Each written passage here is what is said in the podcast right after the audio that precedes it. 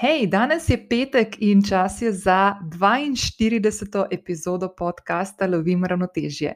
V današnji epizodi gostim izredno zanimivega sogovornika in lahko rečem, da enega od ključnih oseb v letošnjem letu, ki je tudi meni uh, ogromno pomagal pri mojem osebnem in poslovnem razvoju, in to je Roman Pavlović, uh, moj poslovni mentor. Roman ima prek 30 let izkušenj na področju vodenja inovativnih ekip, med drugim je pred leti oblikoval novo delovno mesto in zaposlil prvega menedžerja idej pri nas. Če se danes prehodiš po LinkedIn-u, boš hitro videla, da je to delovno mesto izredno razširjeno danes in ga uporablja vse več podjetij. Roman je sodeloval pri zasnovah in postavljanju številnih projektov in podjetij, tako pri nas kot v tujini. Eno takšnih, ki jih gotovo poznaš, je tudi MBILS je velik zagovornik ustvarjanja delovnega okolja, ki vsakemu posamezniku omogoča možnost vrhunskega razvoja ter doseganja poslovnih in zasebnih prebojev. Roman je univerzitetni diplomirani informatik, magistr ekonomskih ved, v zadnjem obdobju pa deluje kot coach za sodobne vodje, ki želijo razvijati svoj potencial na ukaz. Več o tem in o njegovem programu Leader in Flow, ki sem ga letos tudi sama uh, predelala in prešla, uh, ti bova povedala v najnem zanimivem pogovoru, ko ti bo Roman tudi povedal, kaj dejansko pomeni njegov koncept delovanja na ukaz in delovanja v flow, ko dosegamo najboljše rezultate in najboljše počutje v nekem trenutku. Roman je tudi tekmovalni padalec in državni prvak v padalstvu, trener karateja in aktualni podpredsednik Slovenske in Evropske karate zveze. Zakaj to omenjam? Zato, ker se v pogovoru tudi veliko dotaknemo tega, kako pomembno je, da smo v življenju uh, aktivni tudi na športnem, na telesnem področju in kako to zelo vpliva tudi na to, kako potem kasneje dosegamo svoje najboljše rezultate v nekem trenutku, ko je za nas najbolj pomembni. Pa ne gre za to, da nas čaka neka pomembna predstavitev ali pa nek pomemben sestanek. Skratka, vse te stvari so ključnega pomena v našem tako poslovnem, kot tudi konec koncev zasebnem življenju. Zdaj, jaz lahko povem, preden skočiva v današnji pogovor z Romanom, ki je res, res fulj zanimiv. Uh, jaz sem zadnjih nekaj mesecev, od nekje sredine marca, uh, preživela v Romanovi družbi, uh, najprej uh, v obliki uh, uh, enega srečanja, ki se je zgodilo osebnega, ko smo se res dobili, cela ekipa, ki je sodelovala na programu Leader in Flow, smo se dobili na srečanju, uh, potem smo nadaljevali, ko je bila karantena uh, prek Zoom aplikacije in se kasneje spet srečali v realnosti, ko smo se lahko. Ampak lahko povem, da je ta izkušnja, ki sem jo dala skozi z Romanom in konec koncev tudi z ekipo mojih sošolcev, krasnih posameznikov, ki sem jih spoznala prek tega programa. Um, Mi je dala eno tako uh, edinstveno in um, prvo tako res pravo izkušnjo uh, nekoga, nekega mentorja, ki te vodi do določenih uh, spoznanj, orodij, znanj. Ki ti pridejo prav, meni konkretno v, v tem, ko razmišljam, kako širiti in razvijati svojo podjetniško zgodbo, kako potencialno v kratkem tudi širiti svojo ekipo, in konec koncev nekih uporabnih izkušenj in znanj, ki jih prenašam tudi v svoje zasebno življenje. In to je, naprimer, meni pri Romanu in pri njegovem programu najbolj všeč, uh, da zelo, zelo celostno jemlje človeka. Uh, kljub temu, da je poslovni coach, uh, se zelo močno zaveda tega, da človek deluje kot. Uh, Skupek vseh stvari in vlog, ki jih v življenju igra, igra, in je pomembno, da se celostno lotimo uh, vseh stvari, ki jih v življenju počnemo. Uh, zdaj, v današnji epizodi se z Romanom pogovarjava o izzivih sodobnih vodij, kakšne so sploh razlike, naprimer med menedžerjem in vodjo, uh, ter kakšna znanja in sposobnosti mora imeti sodobni vodja. Roman ti bo tudi predstavil koncept vodenja v flowu, torej v stanju telesa in duha, ko se počutimo in delujemo najbolje. In ta, to stanje flova lahko iz poslovnega uh, življenja zelo lepo in elegantno prenesemo tudi v zasebno življenje. Zdaj, če ti rečem v flowu, to pomeni tako, ko rečeš, ko, ko imaš, dobiš občutek, da si padla notri v eno stvar in izgubila občutek za čas in naredila ogromno enih stvari v tistem trenutku, oziroma tistem nekem krajšem obdobju. Uh, to smo vsi poznali, ko smo bili otroci, ko smo se igrali in tako naprej. Danes je pa, ko smo odrasli, ko imamo ogromno enih zadolžitev, stvari, skrbi, izzivov v življenju, je včasih to malo težko doseči. Ampak se da. In Roman, danes bova z Romanom govorila tudi o tem. In celoten njegov program dejansko temelji na tem, da te nauči in vodi do tega, da lahko na ukaz sebe postaviš v to stanje. Zdaj, v današnji epizodi boš uh, zvedela en kup enih uporabnih stvari, ne glede na to, če si podjetnica in želiš graditi svojo ekipo, ali pa si s tem že začela in se soočaš z izzivi, ali pa le želiš nadgraditi neke odnose v svojem zasebnem življenju.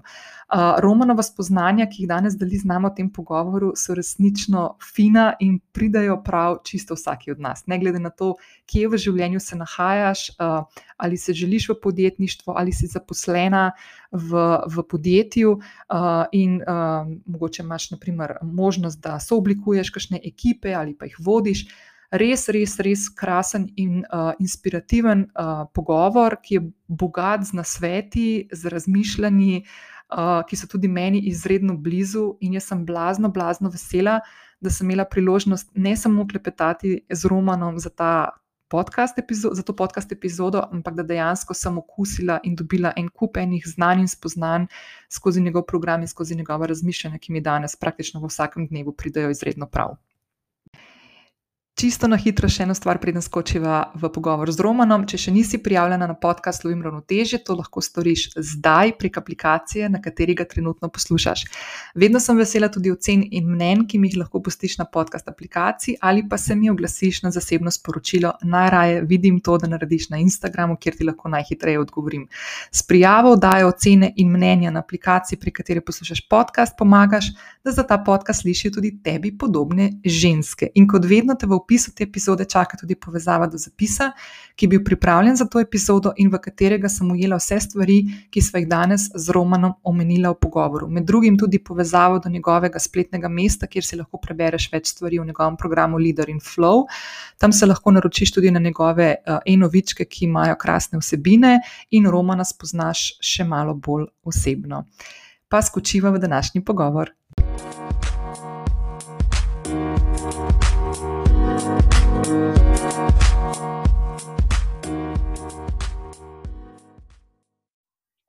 Roman, živijo. Živijo. Uh, Roman, za začetek te bom najprej vprašala, kako si danes, pa uh, kaj se ti kaj lepega zgodilo danes ali pa v teh dneh? Odlično. Jaz sem dejansko nasplošno pozitiven človek, tudi če se kakšna slaba stvar zgodi, provam se iz tega kaj naučiti, ampak v zadnje čase se mi dogajajo same dobre stvari. Mogoče zato, ker sam upravljam s svojim življenjem in jih usmerjam, drugače pa pred kratkim sem treniral z mojo padalsko ekipo v Bovcu, uh, kjer smo izvajali dejansko zelo odlične skoke, po drugi strani sem. Včeraj si na odpravu na polletno izmenjavo študija uh, Erasmus v Estonijo, uh, imel sem zelo lepo druženje v zadnjih dnevih s prijatelji, tako da eno lepo obdobje je za mano. Tako da izkoriščaš te zadnje poletne dneve letos uh, zelo uh, plodno in kakovostno, vidim. Ab, absolutno. Provam um, se jaz napolniti, uh, jaz si napolniti baterije, pa tudi drugim nekaj prispeva. No, super. Ok, Roman, zdaj uh, jaz sem že v začetku, v uvodu te epizode, malo več povedala o tem, kako smo se mi dva spoznala. Pa bi mogoče za začetek, preden nadaljujeva s pogovorom in gremo malo bolj v globino tega, kar ti danes počneš. Uh, Uh, me zanima najprej, ko gremo malo nazaj. Kdo je Roman? Pa če lahko malo poveš o tvoji življenjski zgodbi, kako se je prepletala, zdaj umenil si že tudi padalstvo, malo tudi to, te uh, športne aktivnosti, v katerih si se ti v bistvu zelo uh, profesionalno si se z njimi ukvarjal in se še danes.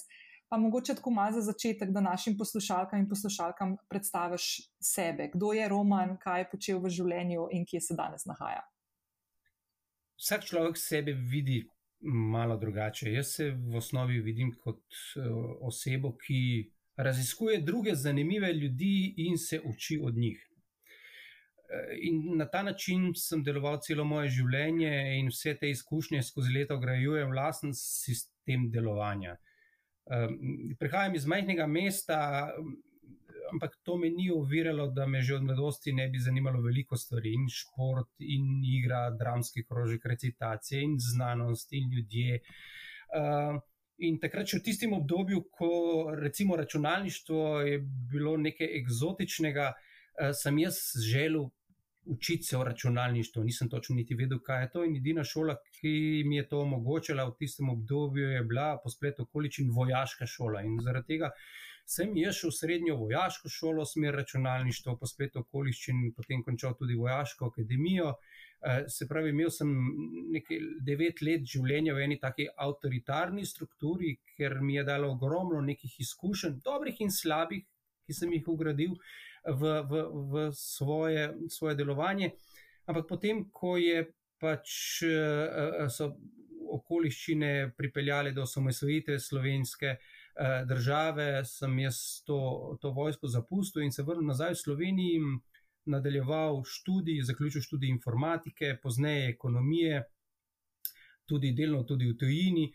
In skozi leta nabiral uh, razne izkušnje, uh, vsem tem izkušnjam pa je že od začetka bila neka taka rdeča nit, uh, kreiranje neke dodane vrednosti. Vedno sem raziskoval, ali jaz lahko kreiram dodano vrednost kot vodja, kot nek inicijator, kot nek provokator, raziskovalec enih mejnih področji, kjer pač si ljudje pred mano niso upali, ali pa si niso vzeli čas, ali pa niso odkrili, da je tam možno narediti neke dodane.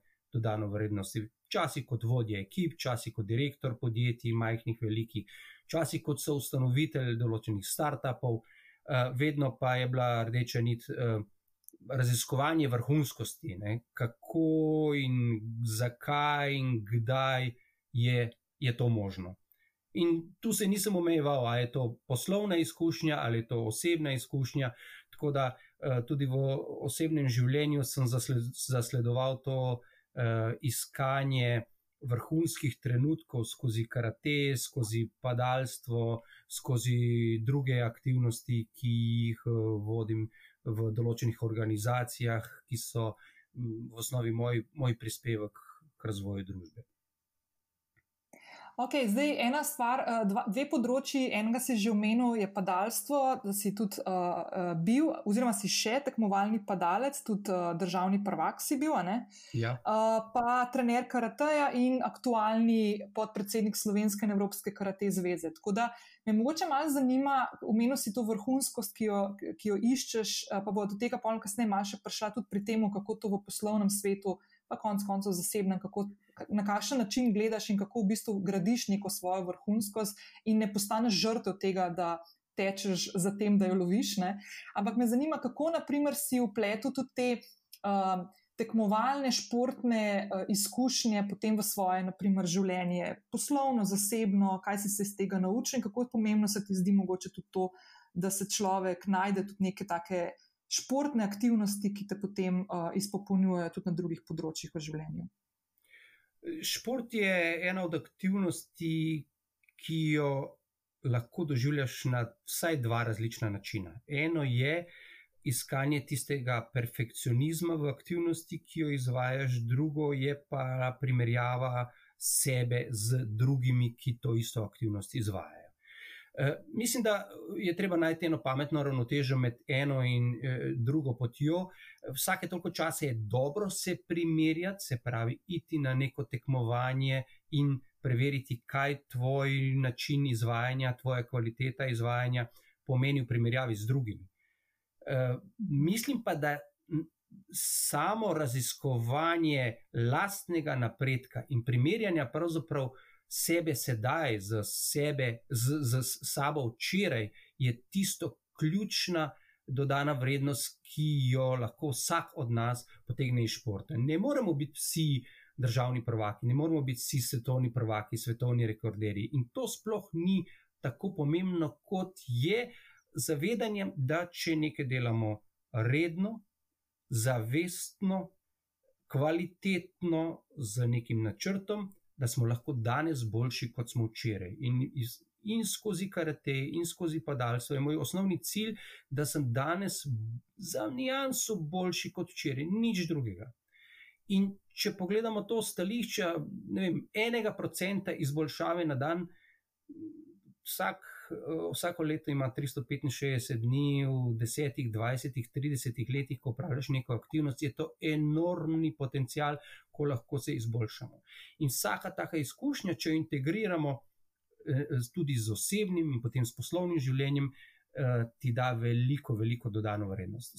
Šport je ena struktura, eno okolje, kjer lahko preizkušaš svoj um in svoje telo, ni pa dodana vrednost tu samo za šport. In, in, in s tem karatejem, kjer sem ga jaz odkril relativno pozno, um, skoraj da uh, pri 35 letih, se pravi, zdaj bo uh, kmalo 20 let, ko se ukvarjam s, te, s to zadevo, mi je dala eno tako uh, dobro nadgradnjo mojih poslovnih izkušenj.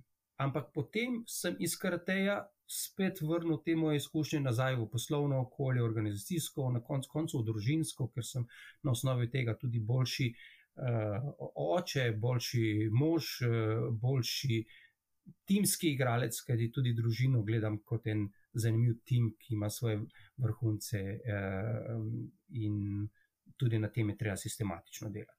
Kar se tiče pa padalstva, padalstvo pa je eno taka uh, dejavnost, ki ti ne omogoča, da bi razmišljal o veliko drugih stvarih kot o padalstvu samem. Ko si v letalu, ko se odprejo vrata, ko si pred tem, da skočiš ven, ne moreš razmišljati o veliko drugih stvarih kot o teh, kaj boš v naslednjih 30, 35, 60 sekundah naredil. Uh, in to je spet ena taka izkušnja, ki jo potem potegneš v svoje osebno in poslovno življenje, in ti omogoča, da takrat, ko se moraš skoncentrirati samo na eno zadevo, ko je ključno, da v tistem trenutku narediš najboljše, kar lahko, to izkušnjo sem že imel. Rečeš, to sem že preživel. Metode, kako prije do tega, so mi že jasne. In vse te stvari, če integriraš v življenju, potem ugotoviš, da ne obstaja posel, hobi, družina, prijatelji, ampak to je ena taka pestra zmes življenjskih izkušenj, ki jih ugradiš v eno celoto. Uh, zelo se mi zdi fajn, ker si uh, mal nakazal na to, če sem prav razumela, pa me popravi, če mogoče se motim, da pri vsej tej stvari, um, ko greš v kjerokol, na kjerem koli področju v svojem življenju, ko zasleduješ neko vrhunskost oziroma uh, sebe postavljaš v situacijo, da si vsak dan mičkan za nijanso, kot si rekel, sam boljši od dneva, ki je bil včeraj. Uh, se mi zdi ena taka stvar, ki se mi, se mi zdi pomembna, je, da nisi vedno osredotočen samo na neke cilje, ki si jih postavljaš, ali pa, ali pa so ti jih postavili drugi, ampak da najdeš nek način, kako uh, uživaš v poti do tega cilja. Se pravi, da vedno iščeš neke izzive, priložnosti, uh, situacije, ki te uh, in da imaš odprte oči v šesa. Da spremljaš, kaj so tiste stvari, ki se lahko tudi naučiš, uh, razvijaš sebe, svoj potencial, ki ti potem lahko omogoča tudi na drugih področjih, da si boljši. A sem te prav razumela? Absolutno, absolutno je to zelo lep povzetek tega. Če pogledamo, cilj je trenutek, ko nekaj dosežemo pot traja mhm. veliko dalje. In če bi se fokusirali samo na cilje, eh, veliko, veliko tega časa, naše izkušnje, vržemo v koš, je izgubljena.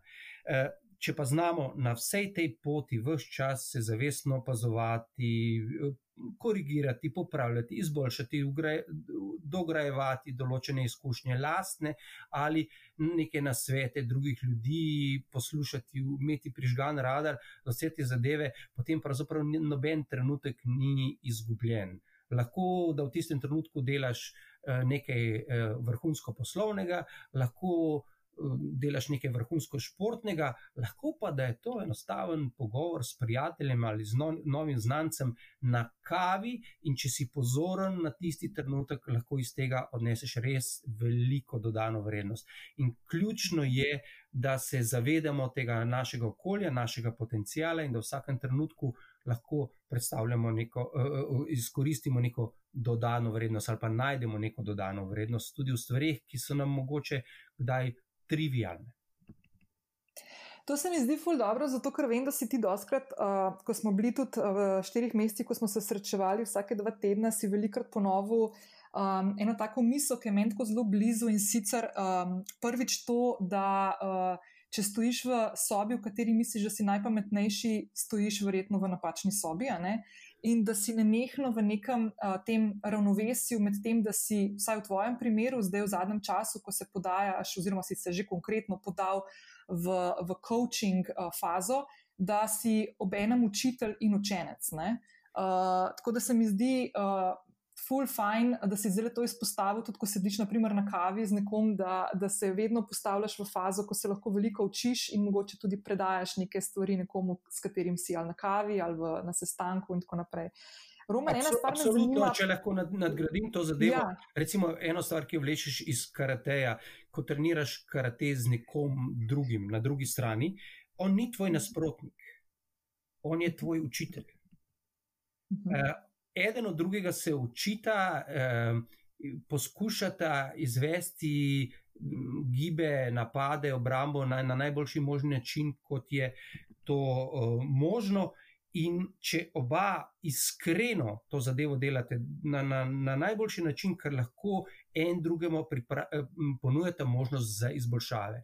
In na enak način, v enem iskrenem pogovoru, na kavi, kjer uh, en drugemu nadgrajujeta ideje, do, se dopolnjujeta, si omogočata, uh, si dovolita biti drugačna, boljša, je lahko to en izjemen potencial za razvoj, uh, deluje pa na prvi pogled trivialno.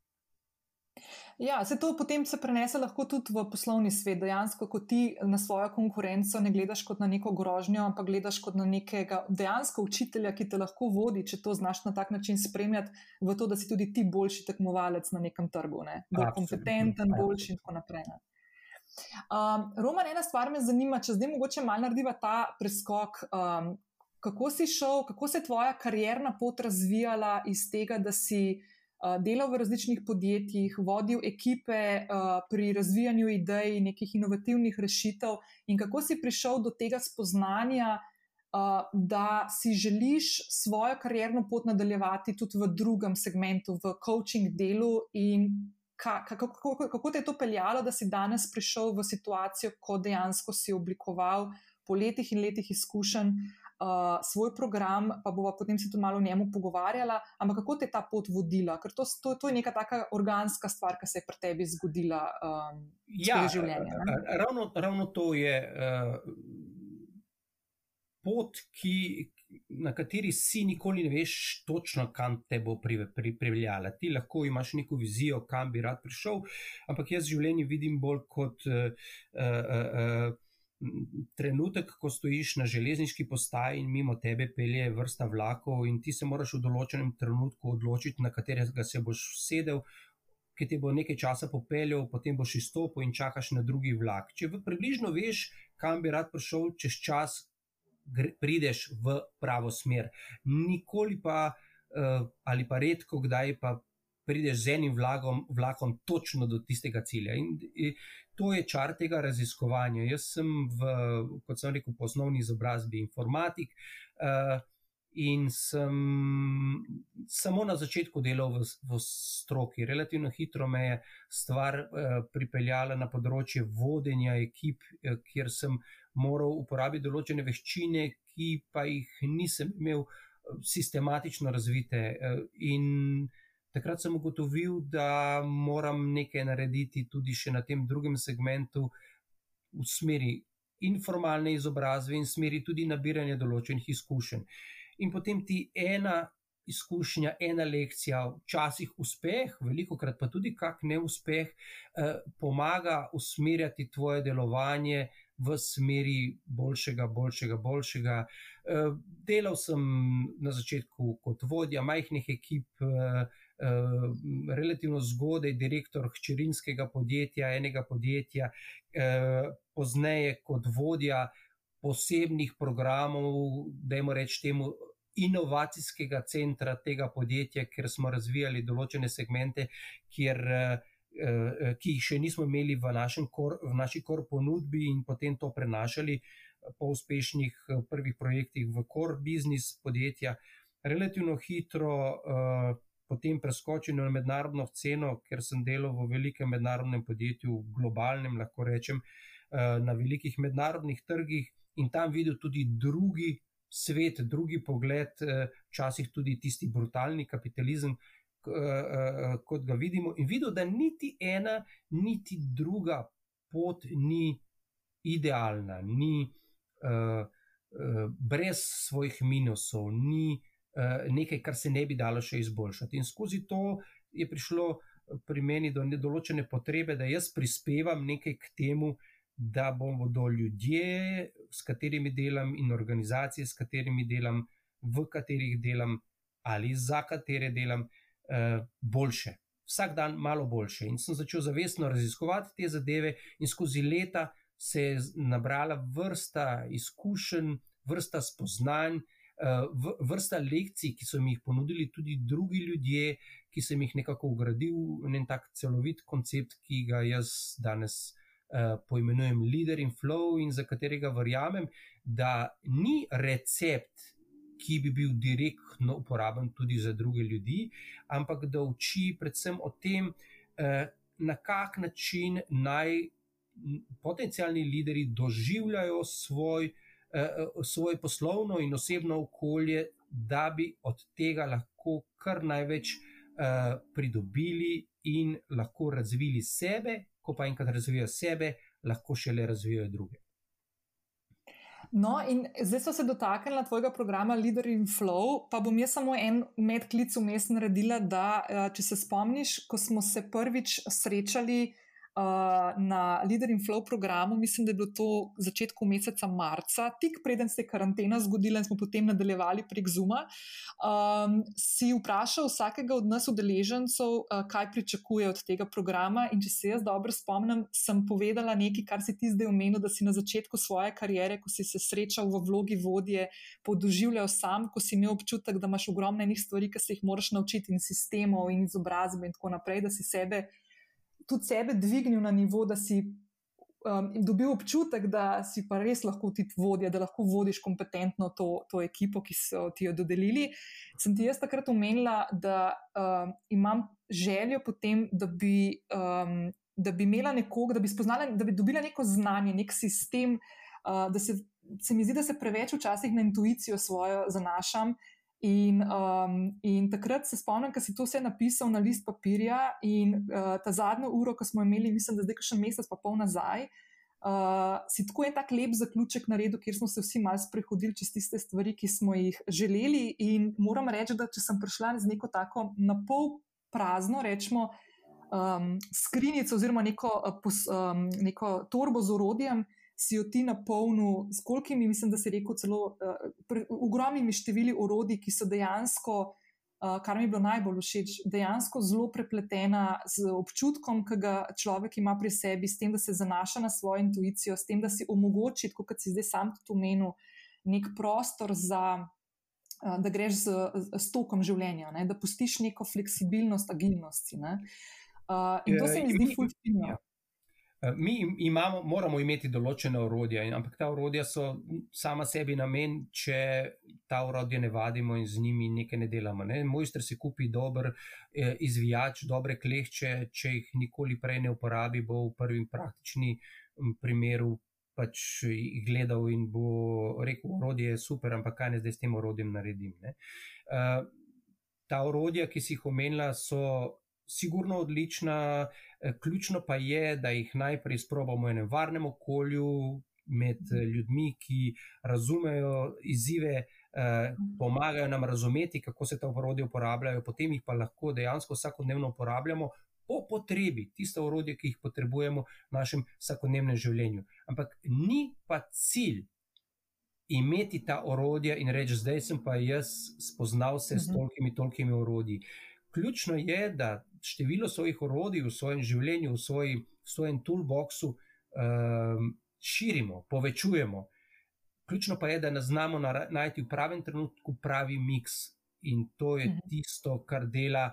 Um, Kar včasih rečemo, kot si opisujemo z besedo, ko si ti malo prej omenila, intuicija. V resnici pa je to mhm. eh, zelo dobra podlaga, ki smo si jo v preteklosti eh, zgradili, tako da lahko v tistem trenutku, brez nekega posebnega napora, to zadevo uporabimo in rečemo: Glej, se je skršilo samo od sebe. Ampak to, ta intuicija je imela podlago v veliko izkušnjah eh, in pravih orodjih, ki smo jih v preteklosti uporabili.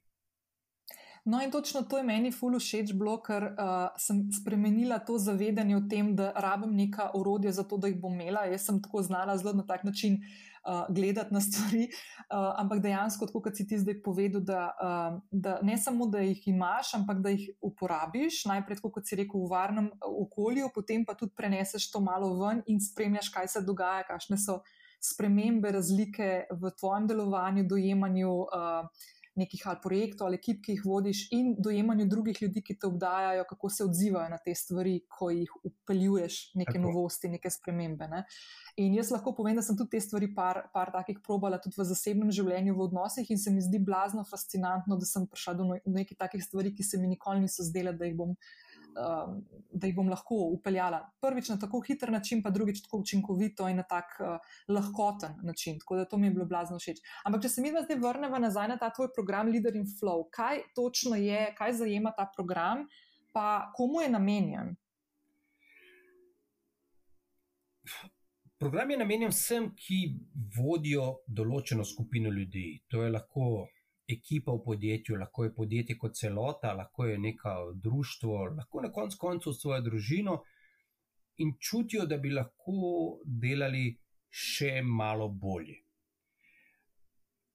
Vem, da je to zelo širok, širok pojem, ampak ključna zadeva je v tem, da eh, se zavedamo, da uh, imamo potencial, uh, ampak da ta naš potencial je samo dejansko potencial, ni pa to še izkoriščen um, maksimum, do katerega lahko pridemo, in da bi se radi zavestno razvijali v tej smeri.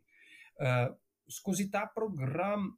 Tisti, ki uh, se spustijo v njega, ne bodo dobili direktnih receptov, ne, tri žličke vegete, uh, ščepec soli, 200 gramov moke in skuhali boste uh, dobro, dobro juho. Dobili bodo drugačen pogled na koncepte razmišljanja, na dojemanje svoje okolice, na dojemanje, kaj vodja je, kaj pa je voditelj, na dojemanje, kako upravljati in spreminjati, predvsem prvo samega sebe, potem pa šele druge. In ko bodo te stvari razumeli, bodo lahko te stvari, kot smo prej omenili, preizkusili v praksi uh, z uh, svojimi partnerji v skupini, potem pa tudi v lastnem podjetju. Ta program je predvsem namenjen tistim, ki imajo možnost te zadeve spre, uh, preizkušati v praksi. To pomeni, da uh, bodo vsakih 14 dni dobili nove naloge, ki bodo morali prenesti v svoje poslovno ali organizacijsko okolje in v praksi izvajati te zadeve, in dobili bodo takojšen feedback, kako te metode, ta urodja delujejo in kako jih lahko oni ugradijo v svoj toolbox ali pozneje, ko bodo enkrat že mojstri tega v svojo intuicijo, intuitivno dejanje. Ključna zadeva je, da program ni samo teoretičen, ampak omogoča en, enega od ključnih korakov ali pa ključnih preskakuje ključni minus v nekih drugih izobraževanjih, v katerih sem tudi jaz bil in sem prepoznal ta minus, in to je, da ogromno izobraževanje je teoretičnih. To pomeni, uh, prideš na izobraževanje, se določeno stvar naučiš, rečeš, wow, kako je to dobro, greš nazaj v svojo organizacijo, vprašaj te, kako je bilo, rečeš, kul, cool, a boš kaj povedal, kako je bilo. Ja, bom, veš, kaj sem zdaj, nimam takoj časa, moram narediti tiste stvari, ki so me prečakale, ker sem bil pač na tem izobraževanju, in potem čez čas stvar izveni, in mogoče ti 10% tega uporabiš v praksi, v resnici si pa se naučil, kako bi stvari morale biti, in s tem povečal v osnovi svojo frustracijo, ki je razlika med idealnim stanjem, ki ti zdaj teoretično veš, kaj idealno stanje je, in prakso, ki pa se ni tako zelo spremenila. In svoja frustracija se povečuje, s vsakim naslednjim izobraževanjem si vse bolj nezadovoljen, ker ti razlika se povečuje tega pa nočemo. Na, na Leader in Flow dejansko vsako stvar, ki se jo teoretično naučimo, tudi v praksi, tako jo preizkusimo in tako jo ugradimo v, v svoje praktično delovanje. Ključno mhm. vsem tem pa je, da s tem spremenjamo sebe, spoznavamo sebe in na ta način omogočamo, da smo najboljši takrat, ko je to najbolj potrebno, in pridemo do tistega vrhunca, ki ga, ki ga v znanosti imenujejo flow ali uh, v slovenščini temu rečemo zanos. To pa pomeni, da lahko ta orodje uporabimo v pravem trenutku, takrat, ko mi ocenimo, da je najbolj potrebno, pridemo do vrhunskih rezultatov, mi kot posamezniki ali kot ekipe, in na to pač sprostimo spet ta uh, uh, vrhunski naboj in rečemo, zdaj pa je neka faza uh, relaksa, uh, nabiranja nove energije in se spet pripravljamo za novi vrhunec. In ta neka, neka znanje o tem ciklusu in uh, načrtno upravljanje s tem ciklusom je največja dodana vrednost tega programa. Mhm. To je bilo meni blazno všeč, ker uh, jaz zaradi svoje uh, zgodbe pretekle, uh, ko sem tudi nihala ogromno med tem, uh, med uh, anksioznostjo in napa, uh, pre, pretiranim uh, delom in nedovo, nedovoljevanjem sebi, da bi si vzela prostor zase.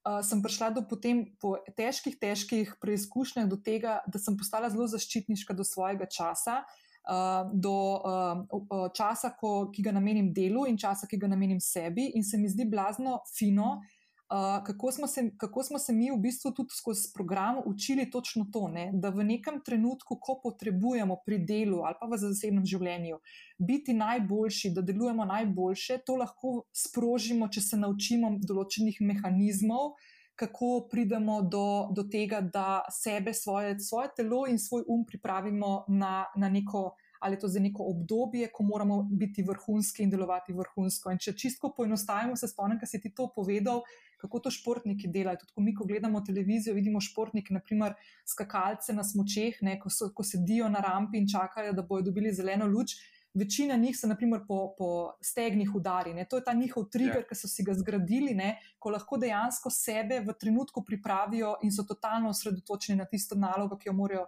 izvesti. Zatem je pa ena serija let in let dela uh, svo, s svojimi toolboxi. Ne, Da so se dejansko pripravili do tega. In ti dejansko te stvari učiš, kako je človek tudi pri svojem delu lahko učinkovit, vrhunski, kako lahko sebe spravi v ta flow, v to stanje telesa in duha, in, uh, in se nauči tega, da ne, bomo rekli tako, ne da dela več, ampak da dela pametneje, imaš zelo lepo napisano. A, absolutno. E, ključno je, da.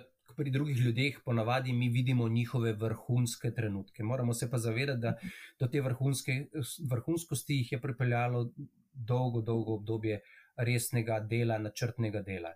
Eh, Prečasno sem slišal za en zanimiv, zanimivo misel, eh, ker je eh, nekdo rekel, neverjetno veliko število ljudi je, ki se sramujejo svojega telesa, izredno majhno število ljudi pa je, ki se sramujejo svojega uma.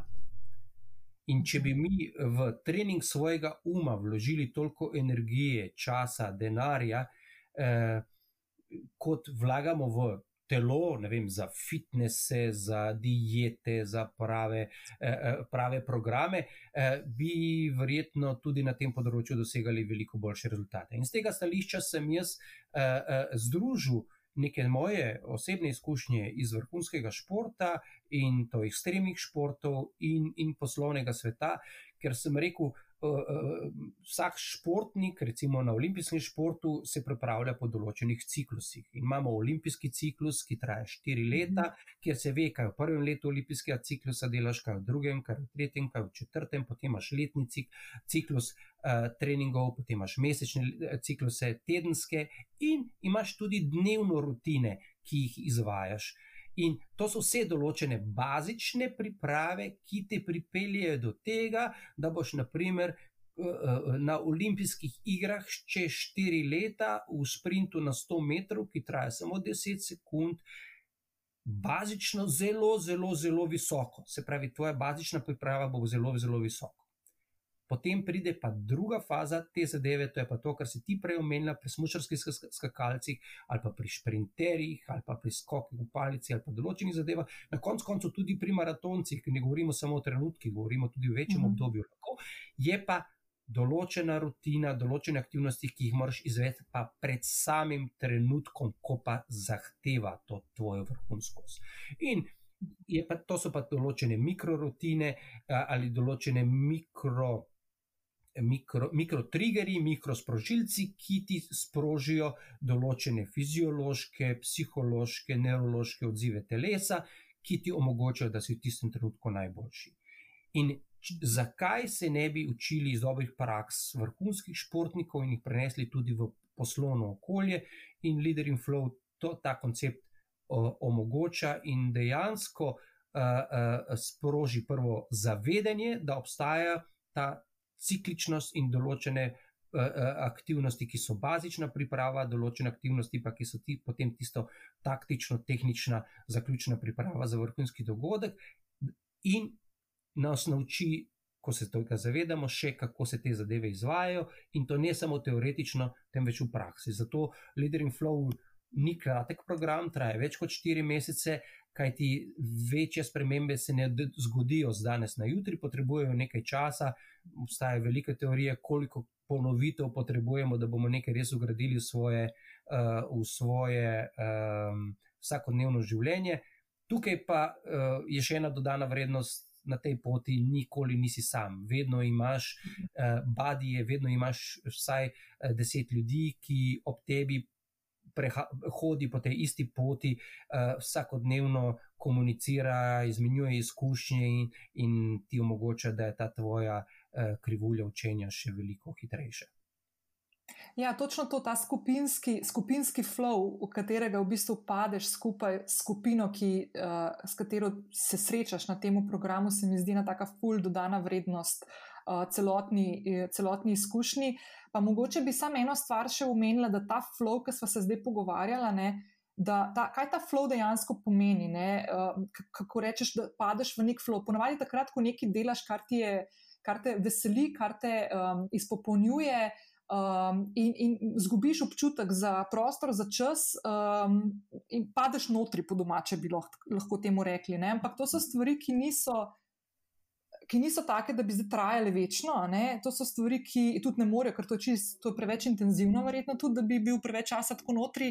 Zdaj, um, eno je ta individualni flow, eno je pa skupinski, se pravi, da ti kot vodja ali pa kot naprimer oče, starš v družini, um, vodiš tudi svojo ekipo oziroma svojo družino v neko skupinsko uh, pot, ne? v nek skupinski film. Ja, ja, zdaj, zdaj, zdaj si uh, skozi uh, uh, te stavke. Cel kup konceptov uh, predstavlja. V mhm. osnovi flow, sam kot flow, je, je že leta, mislim, 1976, Mihajlo Čikžen Mihajlo opisal kot uh, občutek, uh, uh, when you feel the best and when you perform the best. Se pravi, ko se počutiš mhm. najbolje in tudi ko uh, izvajaš stvari, ki jih delaš na najboljši mhm. možen način.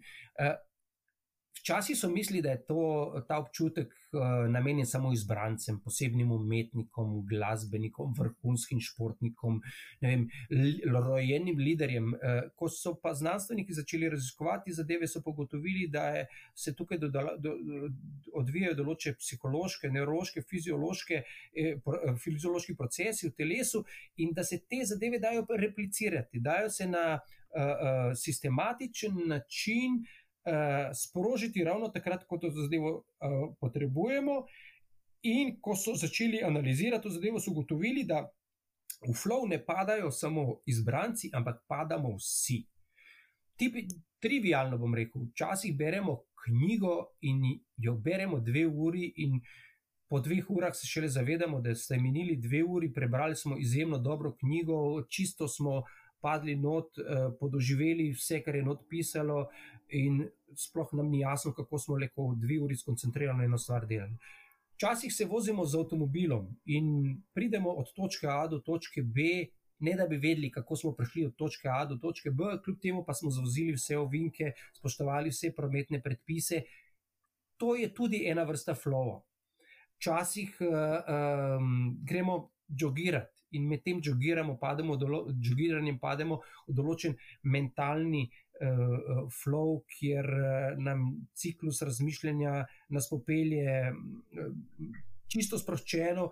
Po poti, kjer si sploh nismo predstavljali ali načrtovali, in na koncu ugotovimo, da smo pretekli 10 km, pa sploh nismo utrujeni. Zaradi česa? Zaradi tega, ker so naši možgani eh, začeli funkcionirati na en drugačen način. In eh, ta zadeva ima svoje zakonitosti, ima svoje pravila.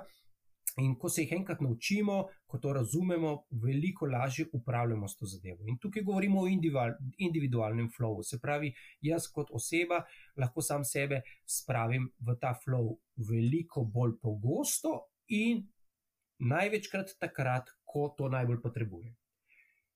Mi, kot voditelji, kot lideri, bi pa radi v tako stanje spravili še naše ekipe.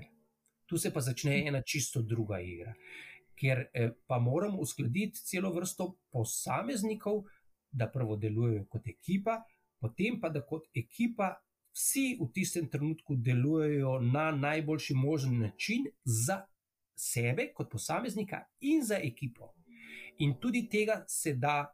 Tudi to se da naučiti, naučiti se da ekipo, tudi voditelj eh, eh, eh, lahko upravlja s temi eh, procesi in na sistematičen način tempira formo svoje ekipe, tako kot v športu tempirajo formo nogometaši, rokometaši, košarkaši ali padalci. In ravno takrat, ko je uh, pred nami najbolj pomemben task, najbolj pomembna naloga z nekim rezultatom, takrat performamo najboljše. Ključna zadeva tega, tega stanja je, a, a, a, a, a, američani zelo radi te zadeve predstavljajo v določenih kraticah. To se je po, e, e, v tem primeru so temu rekli ster. Se pravi, imamo štiri segmente selfness, se pravi nesebičnost, kjer uh, dejansko smo mi pripravljeni z drugimi deliti svoja, svoja spoznanja, uh, svoja uh, uh, znanja in prebliske, ki jih imamo v tistem trenutku. T je timelessness, se pravi, izgubimo občutek za čas, včasih mislimo, da je uh, minilo 10 ur, pa v resnici je minilo samo 10 minut, ampak naši možgani so delali čist na drugem, uh, uh, z drugo frekvenco, na drugem segmentu. Effortlessness, se pravi, brez uh, napora delamo določene zadeve, ker kar, kar nekako črpamo to energijo, ki, za katero nismo niti vedeli, da jo imamo, in richness, to je pa bogatstvo teh občutkov ali znanj ali povezav, ki nam se kreirajo v naših možganjih v tistem trenutku. Vsi smo to že doživeli, verjetno vsi, ki to uh, poslušajo v tem trenutku, rečejo: Ah, to sem pa jaz nek, nekoč že doživel ali v otroštvu med otroško igro, ali samostojno, ali s prijateljem, ali v nekem športu, ali neki, na nekem dobrem žuru, ker je se začel en tak zelo kreativen pogovor. Ampak, ha, kako bi pa jaz to repliciral, replicirala, kako bi jaz načrtno prišla do teh občutkov bolj pogosto, takrat, ko ravno potrebujem, in ravno to je ta, ta umetnost ali pa ne umetnost, skill, ki se, ga, ki se, ga da, ki se jo da na trenirati. No, tle smo zdaj prišli do ene točke, ki bi mogoče smičkam zarotirala na eno debato, malo v ta v, v, v vodenje, v vodje. Se mi zdi, ja. tako najprej mogoče bi bilo fino, da um, narediva eno tako. Um, Uh, ne primerjavo, ampak razdeliva, kaj, kaj pomeni biti vodja, ne? pa kaj je tisto, kar rečemo danes, da je menedžer. Sprav, kaj je voditelj, pa kaj je menedžer, ker to sta dve Manager. različni stvari. Uh, Uh, pa mogoče, mogoče za začetek samo to razliko, pa se bo potem osredotočila, ko bomo naredili ta podstat v to, kaj so, kaj so sodobni vodje, pa kašna, kašne uh, znanja bi bilo fino, da jih imajo. Ne? Če na, če na grobo povzamem moje razumevanje razlike med vodje in voditeljem ali menedžerjem in liderjem, je, da je vodja v osnovi tisti, ki zelo korektno, zelo kompetentno izvaja določene aktivnosti, ki so mu jih zadali drugi. Eh, voditelj pa je tisti, ki pravzaprav načrtuje te aktivnosti, ki jih vizionira in dolgoročno uh, pelje proti cilju. Zdaj, uh, mi moramo vedeti, da posa, za nas, kot posameznike, je ključno osebno spoznanje, da nam v življenju na voljo ogromno zanimivih izzivov, vendar veliko preveč, da bi jih lahko vse kvalitetno obdelali. Mhm. In to nas pripelje do neke frustracije, ker ne moremo preizkusiti ali izvesti vsega, kar je na voljo, in imamo občutek, da nekaj zamujamo. Ampak v resnici je med temi izzivi samo majhen del tistih, ki so res vrhunski in si zaslužijo več našega časa. Ne? In umetnost je izbrati ravno te prave, ki so za vsakega drugačni, in potem dolgoročno strati na njih. Ne? To je ta umetnost kvalitetnega življenja. In zdaj, če se vrnemo na, na vodje in voditelje, eh, eh, meni je zelo eh, zanimiv en koncept, ki ima v angleščini dva izraza, pri nas ga pa prevajamo um, samo z eno besedo. Američani, američani imajo zelo jasno distinkcijo med effective in efficient. Uh -huh. uh, če si efektiv, zelo uspešno pripelješ eno aktivnost do željenega končnega rezultata. To pomeni, imaš neko vizijo in sebe ali skupino ljudi na koncu pripelješ do uspešnega rezultata. Ne. Če si pa efficient, pa določene drobne aktivnosti, ki so potrebne, da pridemo do tega končnega rezultata, izvajaš na najbolj enostaven ali poceni ali hiter način.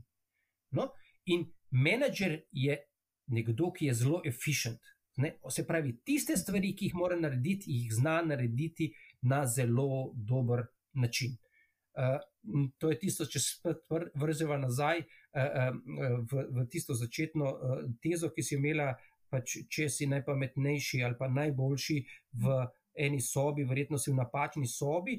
Eh, vsak dober voditelj se obkroži z vrsto ljudi, ki so bolj efficient, bolj usposobljeni za določene aktivnosti, kot so oni, zaradi tega, ker bo uspeh. Njegovega dolgoročnega dela odvisen od kvalitete menedžerjevih kratkoročnih aktivnosti ali članov eh, kratkoročnih aktivnosti tima. Ne, vloga voditelja, voditelja pa je, da vse te aktivnosti usmerja v smeri željenega končnega rezultata, njegove vizije. In eh, to je, to je klasično poslovno razmišljanje, kako gledamo na, na kako jaz vidim razliko med menedžerjem in voditeljem ena, uh mhm. -huh. druga, ena drugo spoznanje, do katerega bi pa rad uh, uh, uh, uh, pripeljal um, vse udeležence, pa po, po, po možnosti čim več ljudi, ki so mi pripravljeni poslušati, pa je, da v resnici postati menedžer ni tako težko. Mhm. Prijaviš se na razpis, na določene delovno mesto, pokažeš, da si dovolj efficient in izberejo te in rečejo: Postal si vodja marketinga, postal si mhm. vodja prodaje, si direktor razvoja, dobiš določeno titulo in v tistem trenutku si ti že menedžer. In mhm. zelo verjetno, vsaj poprečno, če ne že ne nadpoprečno, usposobljen za te aktivnosti, ki jih boš moral izvajati ti kot ti ali kot tvoja ekipa.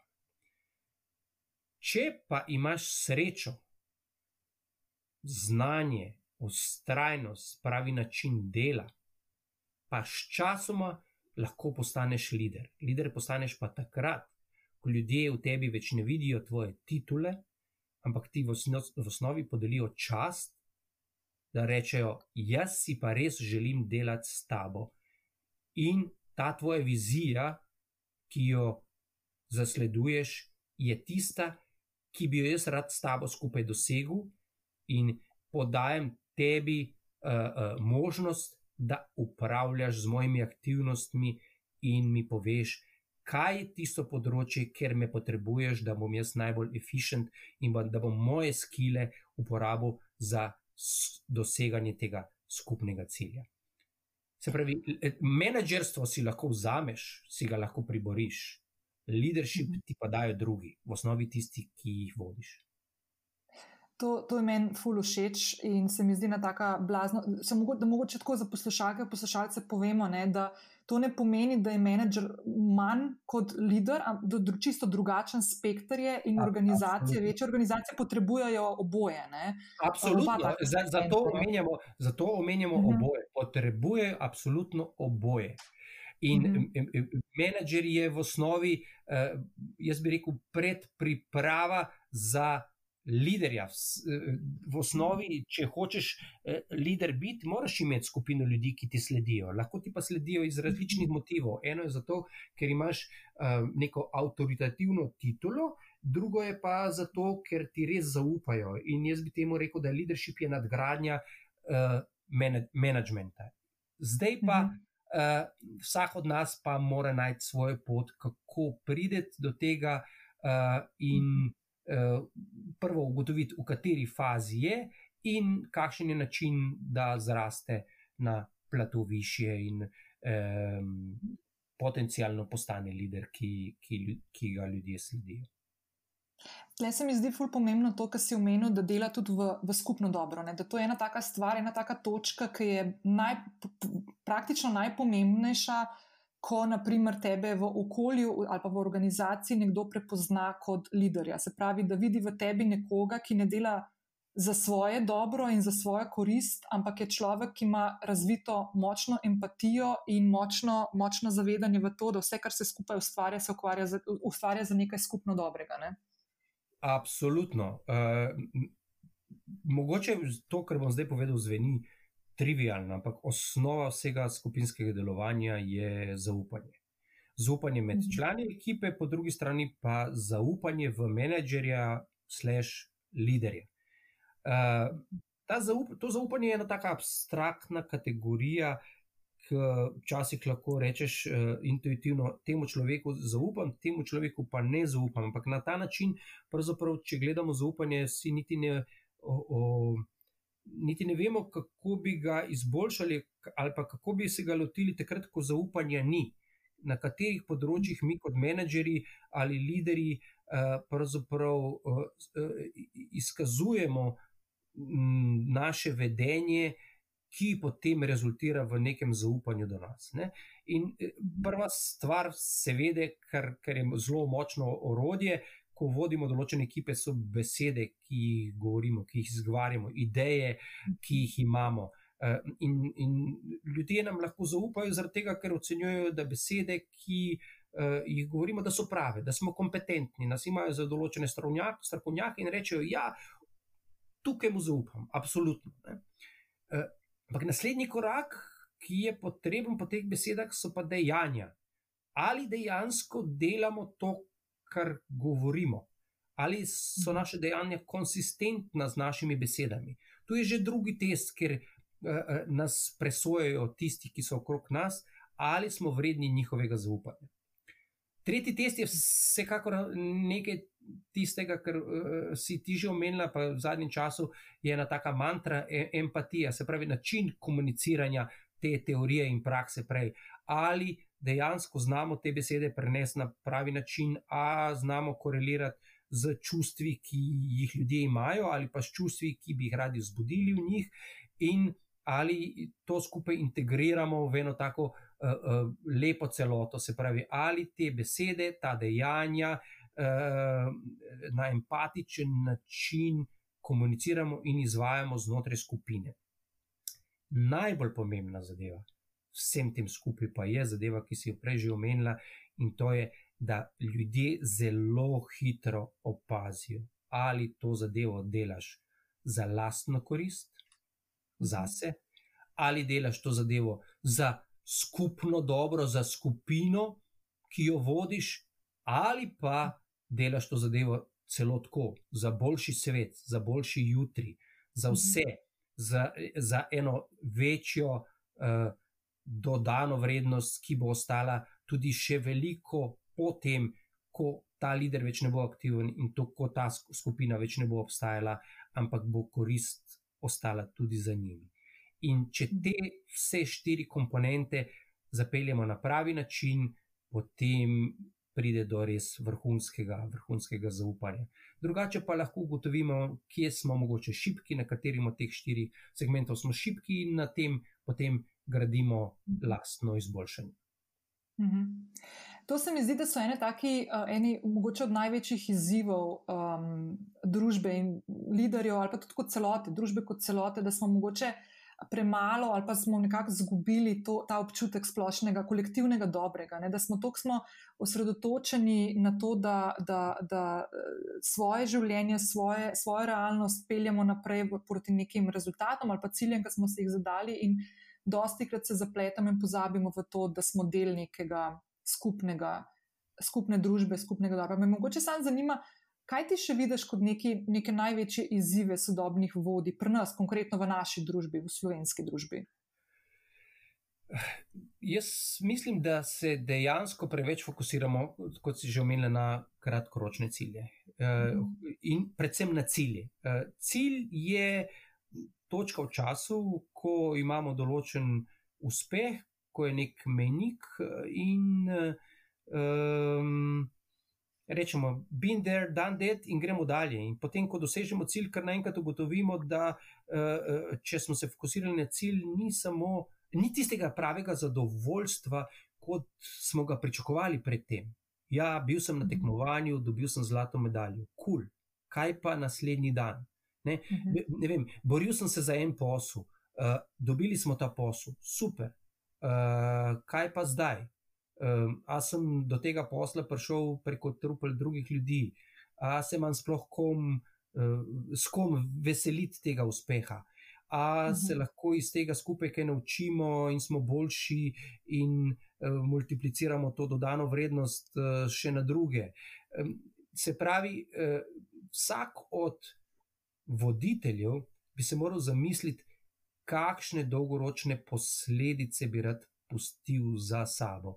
Eden od uh, zanimivih uh, uh, receptov, ki sem jih jaz srečal v, v svoji voditeljski karieri, je bilo spoznanje v določenem trenutku, da moram napisati lastno voditeljsko osmrtnico. Uh, v tem smislu ne opisati kaj bi rad, da ljudje govorijo, um, ko jaz več ne bom njihov voditelj. Ampak opisati moje, mojo ultimativno viz, vizijo, kakšen svet bi rad pustil za sabo, kot posledica mojega dejanja. Ne kakšne uspehe bi kot oseba rad dosegel, ampak kakšne posledice eh, eh ali pa kakšne izboljšave, tudi potem, ko jaz ne bom aktivno udeležen v delovanje okolja, v katerem trenut, tem trenutku sem.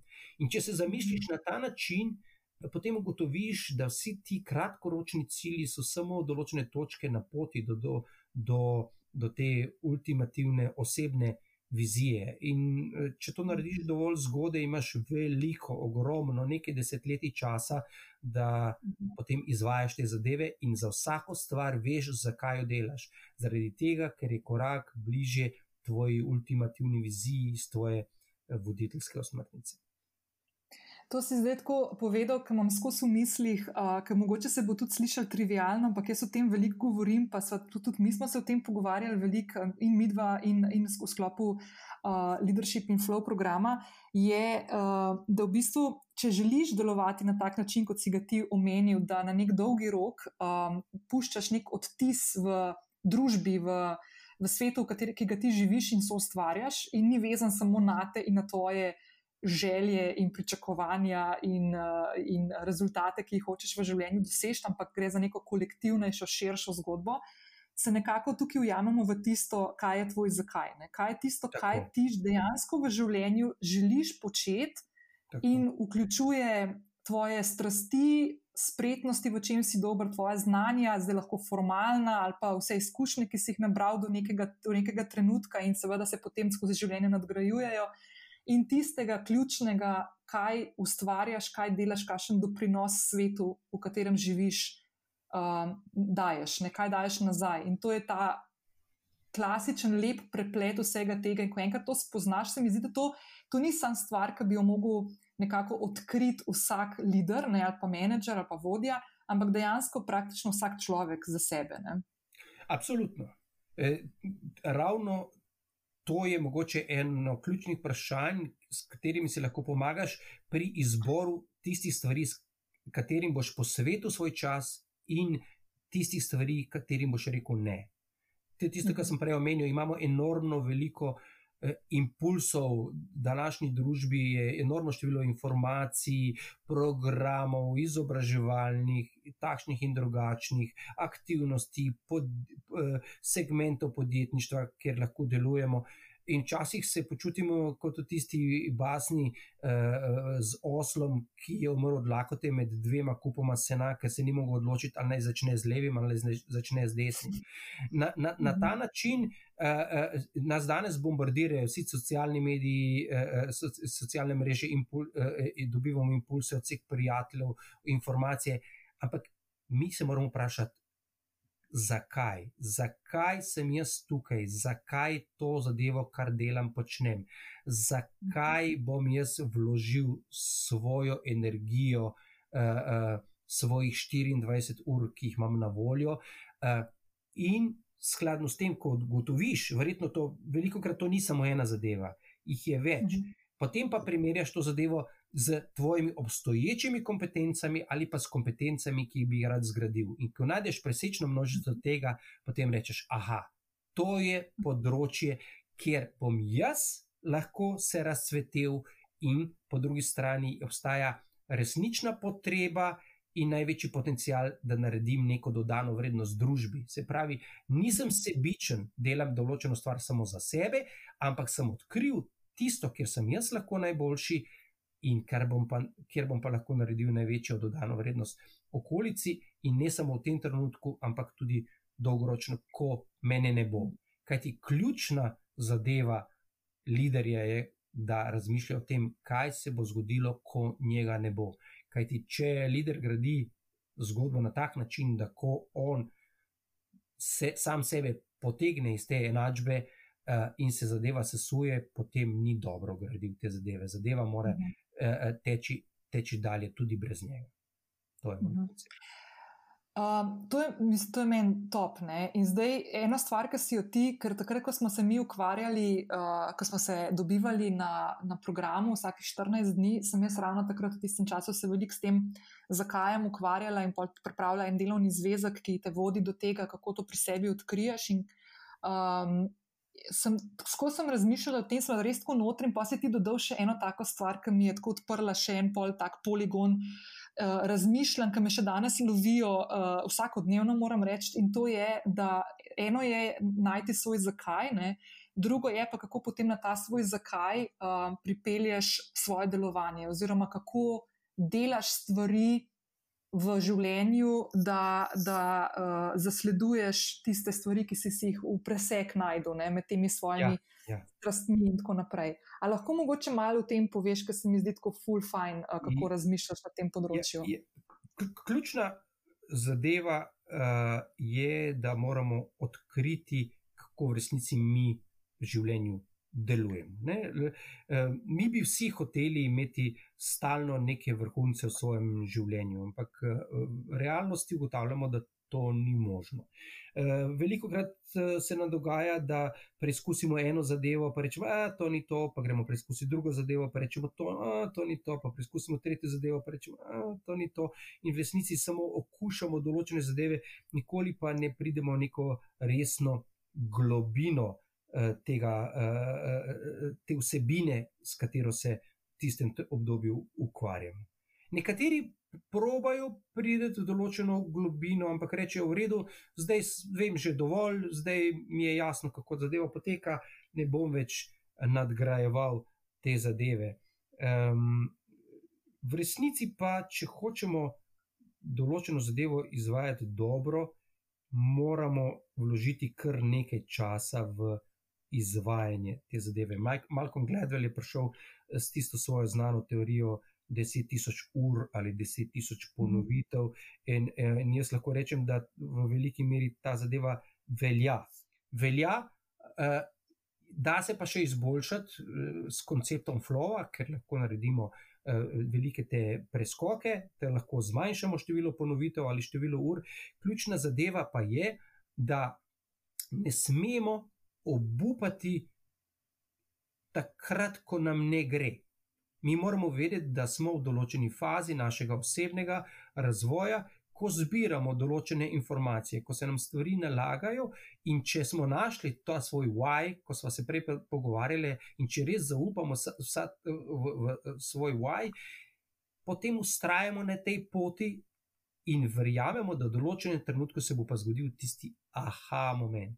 In tisti aha moment nas bo dvignil na en višji nivo, na neko, uh, prenesel nam bo neko novo spoznanje, novo, neko novo, uh, nov pogled na te zadeve, in spet se bo začel novi ciklus, kjer bomo te zadeve spet uh, nekaj časa izvajali, brez nekega očitnega napredka, brez nekega očitnega očitnih izboljšav, ampak spet moramo zaupati sami sebi, da smo na pravi poti in da bomo čez nekaj časa spet naredili ta aha moment. Ta, tako delajo mhm. pravi mojstri in to imenujemo mojstrstvo. In, in ta koncept, ki sem ga jaz poimenoval, uh, how you do one thing is how you do everything, uh, se lahko potem preslika.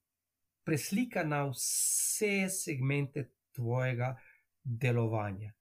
In v resnici se vidi iz določenih enostavnih, trivialnih zadev, na kak način se ti uh, lotevaš uh, stvari v privatnem življenju, in kako se lotevaš zadeve, zadeve v uh, službenem življenju, kako se lotevaš uh, odnosov socialnih z drugimi ljudmi, a si se jim pripravljen posvetiti dolgoročno študiozno, kvalitetno, ali dejansko samo okušaš malo in rečeš, da zadeva mogoče ni takoj pripeljala do pravih rezultatov, gremo okušati rajši nekaj drugega. To se spet navezuje mhm. na tisto, kar smo rekli. Eh, prej ugotoviš, katere so stvari, za katere se ti splača trošiti čas, mhm. zmanjšaš število zadev, na katerih trošiš svoj dragočen, dragoceni čas, in si lahko privoščiš večjo količino časa za tiste zadeve, ki so zate res pomembne, na katerih lahko uh, največje rezultate dosežeš. Drugače uh, pa greš skozi življenje kot nekdo, ki dela vse in v resnici ne naredi nič. In to se, to se tudi na vsakodnevnem nivoju se to izkazuje skozi določene koncepte. Včasih smo vsi ponosni, ponosno razlagali to, kako sem jaz multitasker, kako lahko pet, šest, sedem stvari istočasno delam. V, v realnosti pa se je izkazalo, da pri vsakem takem preklapljanju med taski izgubimo ogromno časa, ogromno energije in da rezultati niso tako dobri, kot če se res za dlje časa posveti meni zadevi. To, ej, zdaj si odprl eno stvar, s katero se jaz v zadnjem mesecu ukvarjam. Kako smo se včasih, sploh ženske, smo znali se zelo tako, ja, mi smo pa ženske, smo, znamo multitask. Kako v bistvu je multitaskanje dejansko slaba stvar, ne? ker ne dovoliš sebi in stvari, ki jo počneš, ali pa odnosu, ki ga imaš z enim človekom, v tistem trenutku ne dovoliš prostora, da res izpolniš vse tisti potencial v tistem trenutku uh, ki ga imaš na voljo, zato ker si v misli že na ta tretji stvari, ki, bi, ki te čaka, ali pa, bi, ali pa jo sproti hočeš delati. Ne, ne, ne dovoliš, da bi poglobil, da bi poglobil to zadevo. Ja. In to je veliko krat tudi, recimo, v trivialnem pogovoru, nekje, uh mhm. -huh. ko se z nekom pogovarjaš, v resnici človeka ne poslušaš, ampak že razmišljaš o tem, kaj mu boš odgovoril, ali pa dal svojo tezo, ali pa kontratezo. Ja. V resnici pa. Eh, ne poskušamo razumeti sporočila ali človeka, s katerim se pogovarjamo, ali, sporoč, ali pa sporočila iz uh, spleta dogodkov, ki so nas zgodili, da bi ga razumeli in znali umestiti v neko uh, svojo. Svoj framework, svojo, svojo realnost, mm. ampak samo skačemo direktno na mm. drugi task, tretji task, četrti task, in v resnici, v resnici samo na vseh taskih samo grebemo po površini, ne prebijemo pa tistega ključnega, Eh, ključnega uh, layerja, ključnega sloja, da bi nam omogočil iti v globino in pr nas pripeljal do nekega globjega razumevanja. Ja, in smo nenehno zacikljeni in smo v bistvu žrtve nekega poteka, nekih dogodkov, ki ga niti ne upravljamo sami, čeprav se nam mogoče včasih zdi, da ga, ga v bistvu ne, ker nas situacije vodijo. Ne? Podobno kot naprimer.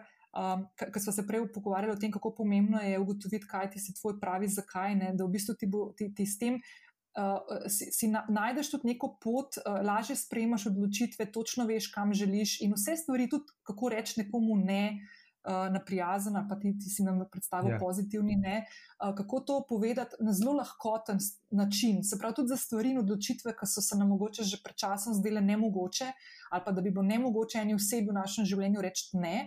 Vse te stvari radajo zelo, zelo, zelo, veliko bolj enostavne, ne da zdaj pa so tako. Um, Ja. en, dva, tri, ne, ampak veliko enostavneje, zato ker točno veš, kaj si želiš in si v bistvu ustvarjalec, ustvarjalec svojega življenja in um, ti ga vodiš. Ne? Dejansko ja. ti vodiš svoje življenje. Je, je, e, je, bistvo, uh,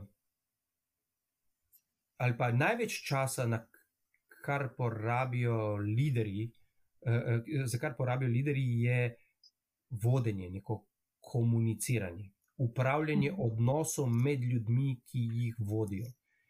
Uh, in vse te aktivnosti moraš peljati na konstruktiven, ne na destruktiven način. Ne? In če poznaš nekaj orodij, uh, ki so ti na voljo, uh, ki so relativno enostavna, včasih celo bi rekli trivialna, ali nekaterim celo intuitivna, ampak če jih znaš uporabiti v pravem trenutku, na pravi način, potem to vodenje postane na vides res um, kvalitetno, včasih lahko rečejo celo vrhunsko, ali pa reče človek, ki ima talent, ali pa ta pa res zna z ljudmi, v resnici pa uporablja koncepte, ki nam omogočajo. Kreacijo odnosov, ne pa destrukcijo odnosov. In to je, eh, eh, kot sem prej omenil, veliko krat v življenju je treba reči, veliko krat tudi ne. Ne? Ampak, če izrečeš ta ne na pravi način, v pravem trenutku, pravim ljudem, lahko s tem kreiraš veliko boljši da. Se pravi, mhm. veliko večjo energijo ali posvečenost tistim stvarem, ki so, ki so pomembne, ki so pozitivne.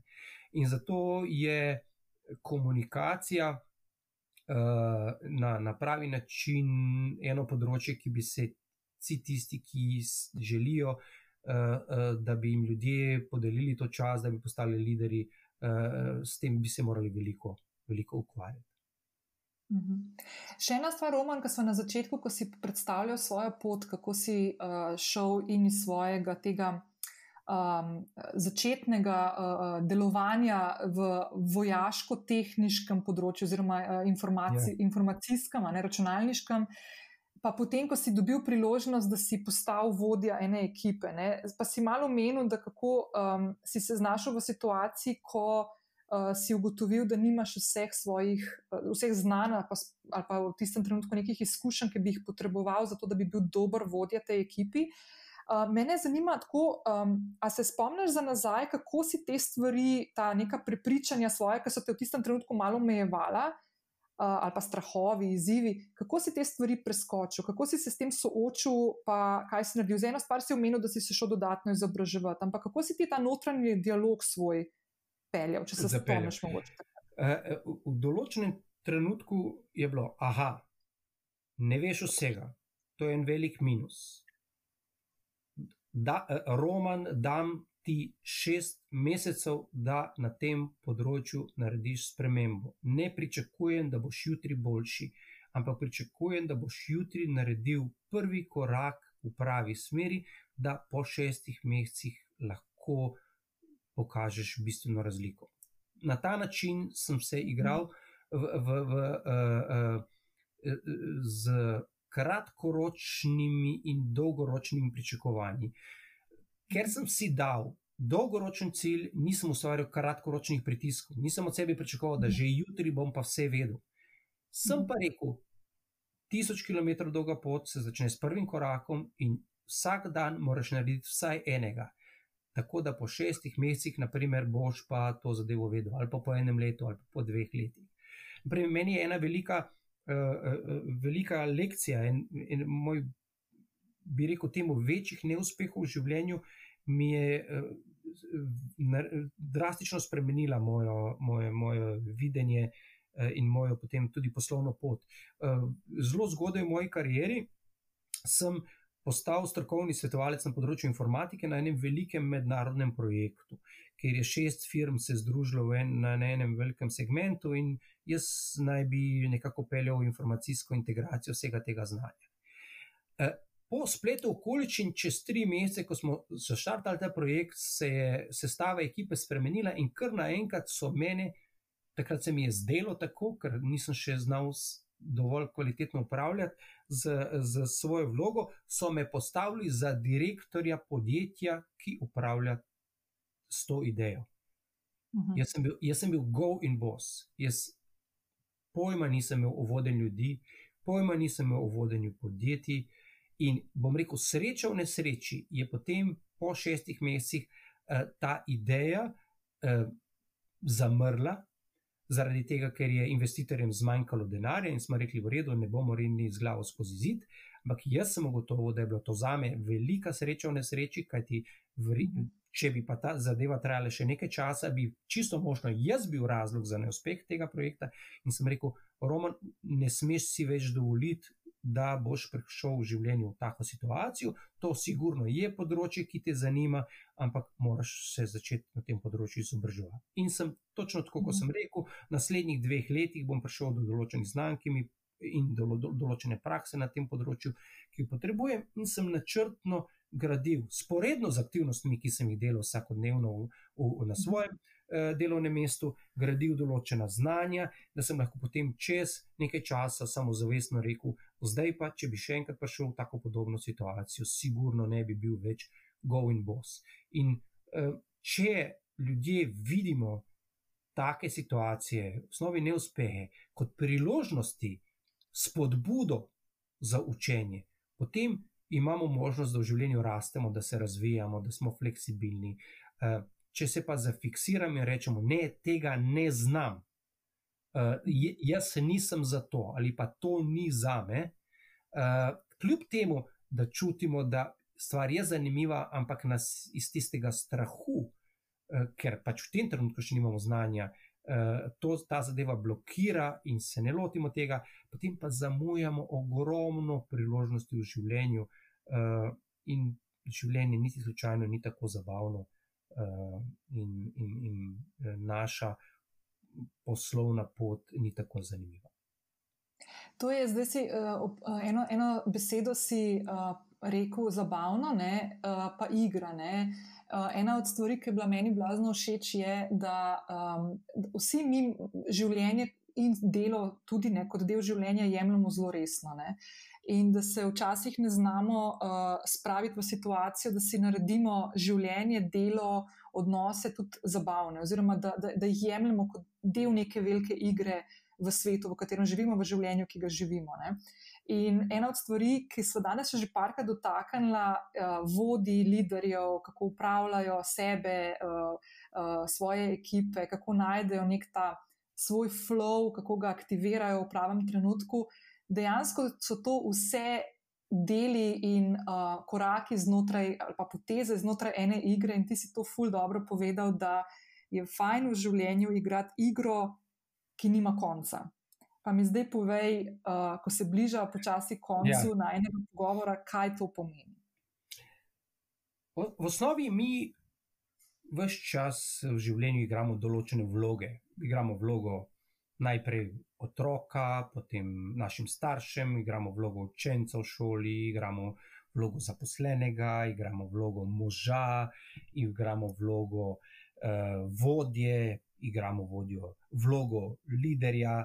Vse te vloge eh, pridejo z določenimi pravili, kaj je dovoljeno, kaj ni dovoljeno, kaj se pričakuje, kaj se ne spodobi. Uh, veliko teh uh, uh, vlog. Uh, imajo celo uh, časovno omejeno uh, um, rekel, uh, čas trajanja. Uh, in nekako skačemo iz ene vloge v drugo vlogo, in bolj uspešno skačemo, mi imamo občutek, da bolj uspešno peljemo naše osebno in poslovno življenje. V resnici pa so to samo določene epizode v našem življenju, ko uh, vedno, ko igramo določeno igro in določeno igro zmagamo, zaključimo določen del svojega življenja in rečemo, to je pospravljeno v moji zgodovini, uh, zdaj vnaprej grem igrati pa eno novo igro z novimi pravili. Vem, ena od iger, trivialno, če govorimo zdaj o poslovnem svetu, je, vem, prijavim se na delovno mesto skupaj še z drugimi 20 kandidati in uh, če sem dober, izberejo mene uh, in dobim titulo vodja prodaje. Uh, in sem zmagovalec v tej igri. Te titule mi nihče v življenju več nikoli ne more vzeti. Tudi, ko ne bom več vodja prodaje, bom pač bivši vodja prodaje.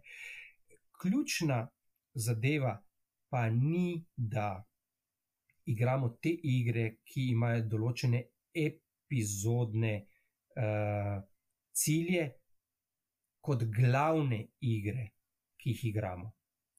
Te igre morajo biti v vlogi ene večje igre, in to je igra brez konca, in ki lahko rečemo ali igra naše karijere, ali pa igra našega življenja, ker v resnici uh, ne igramo po pravilih, ki so nam jih postavili drugi, ampak se igramo s pravili in si mi dovolimo spremenjati pogoje, pod katerimi in, in, igramo. In smo mi tisti ustvarjalci, ki rečemo, ta igra se bo pa od zdaj dalje igrala malo drugače. Predvsem poskrbimo za to, da se igramo še in se zabavamo z drugimi, kajti če si sam nikoli stvar ni tako zabavna, kot če se igraš z drugimi, predvsem pa poskrbiš, da se ta igra nikoli ne konča. In tudi tam, na tistem mestu, kjer si in sprožiš to igro, sprožiš takšne pogoje, da tudi ko tebe ne bo, se drugi ljudje lahko igrajo dalje. In to zadevo, ta koncept razmišljanja lahko preslikamo na svoje delovno mesto, lahko pre, preslikamo na svojo kariero, lahko preslikamo na svojo družino, lahko preslikamo na prijatelje. Cilj nam ne sme biti neka etapna zmaga, ampak dolgo, dolgoročno, kvalitetno igranje igre, ki nam omogoča skupno rast vsem, ki se igramo. Top. Top. Okay. Zdaj pa čist na koncu, da bom vprašala še par takih osebnih stvari, pa se tudi dotikajo uh, v bistvu lahko širše potem tudi karijere oziroma vodenja. Yeah. Ja. Uh, če se spomniš, uh, ena, ena od stvari, ki jo ti tudi v svojem programu učiš, in jaz sem bila blazno vesela, čeprav sem se jo mal bala, je to, da je pomembno v življenju imeti tudi uh, rutine. Uh, Um, in uh, jaz sem bila takrat zelo zaščitniška do svoje, pa še nisem vedela, da mi bo v času uh, samoizolacije razpadla in se še nisem uspešno vrnila nazaj, oziroma vem, da bom sestavila zdaj novo, ker rabim druge stvari. Pa me zanima, kako ti gledaš, naprimer, reči, da lahko pogledaš konkretno na neko jutranjo rutino, pa kakšna je tista tvoja, kaj vključuje, pa kako, jo, kako z njo upravljaš. Uh ruti, vsi ljudje moramo v življenju imeti rutine. Če se zavedamo ali ne, mi ogromno stvari delamo po določenih rutinah, samo ne razmišljamo o njih. Najboljše pa je, če si ustvarimo rutine zavestno in potem zavestno te zadeve, zadeve delamo. E, jaz še vedno štejem. Da je jutro najpomembnejši del dneva in določa ton, kako nam bo potem dan potekal v nadaljevanju. Jutro se moramo uh, uh, pripraviti na vse strese, ki prihajajo skozi dan, uh, in uh, pripraviti naše telo in naša čustva, naš um za to zadevo. Jaz osebno poskrbim, da zjutraj uh, dobro jem. Se pravi, dobim dovolj energije, vitaminov in vseh teh zadev, da lahko moje telo funkcionira in zaženem telo dobro v, v dan. Eh, istočasno zjutraj izvajam določene dihalne vaje, ki mi omogočajo, da se moji možgani pripravijo na, eh, na vse te napore. Te dihalne vaje izvajam o poslušanju določene glasbe, ki stimulira moje možgane in kreira eh, določene, določene hormone v mojih možganih, tudi o tem znanost veliko govori in nam omogoča, da to zadevo danes prilagodimo sebi. Istočasno pa poskrbim tudi za določeno količino gibanja zjutraj.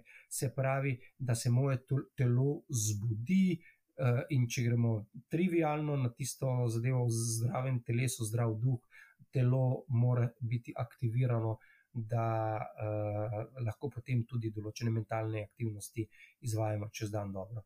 Uh, jaz to imenujem Power Hour, se pravi tisto eno uro, uh, ki jo zjutraj rezerviram zase, zaradi tega, da imam potem power skozi celoten dan.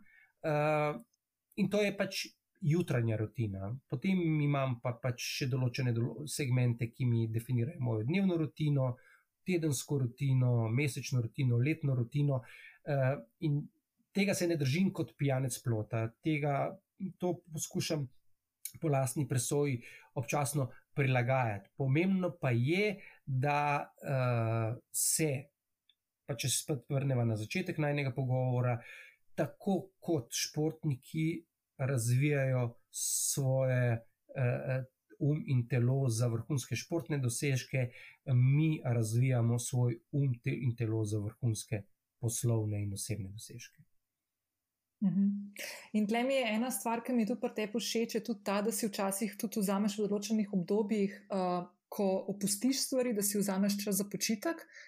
Uh, se, pravi, da, se pravi, da to, kar si prej razlagal o igri brez konca, in ko se igramo s pravili, dejansko to izvajaš tako na dnevni ravni. Malo spremenim, pravila. Ja, tako no, je. Tako. Ne smemo, biti, eh, eh, eh, ne smemo biti pa sužni teh določenih rutin. Vsake toliko mhm. časa prekinemo ta ritem, lahko spremenimo aktivnosti ali pa popolnoma ukinemo aktivnosti in potem ugotovimo, katere so tiste aktivnosti, ki nam pa v resnici manjkajo, ki jih pogrešamo. Tiste aktivnosti se splača spet nazaj vgraditi svojo rutino.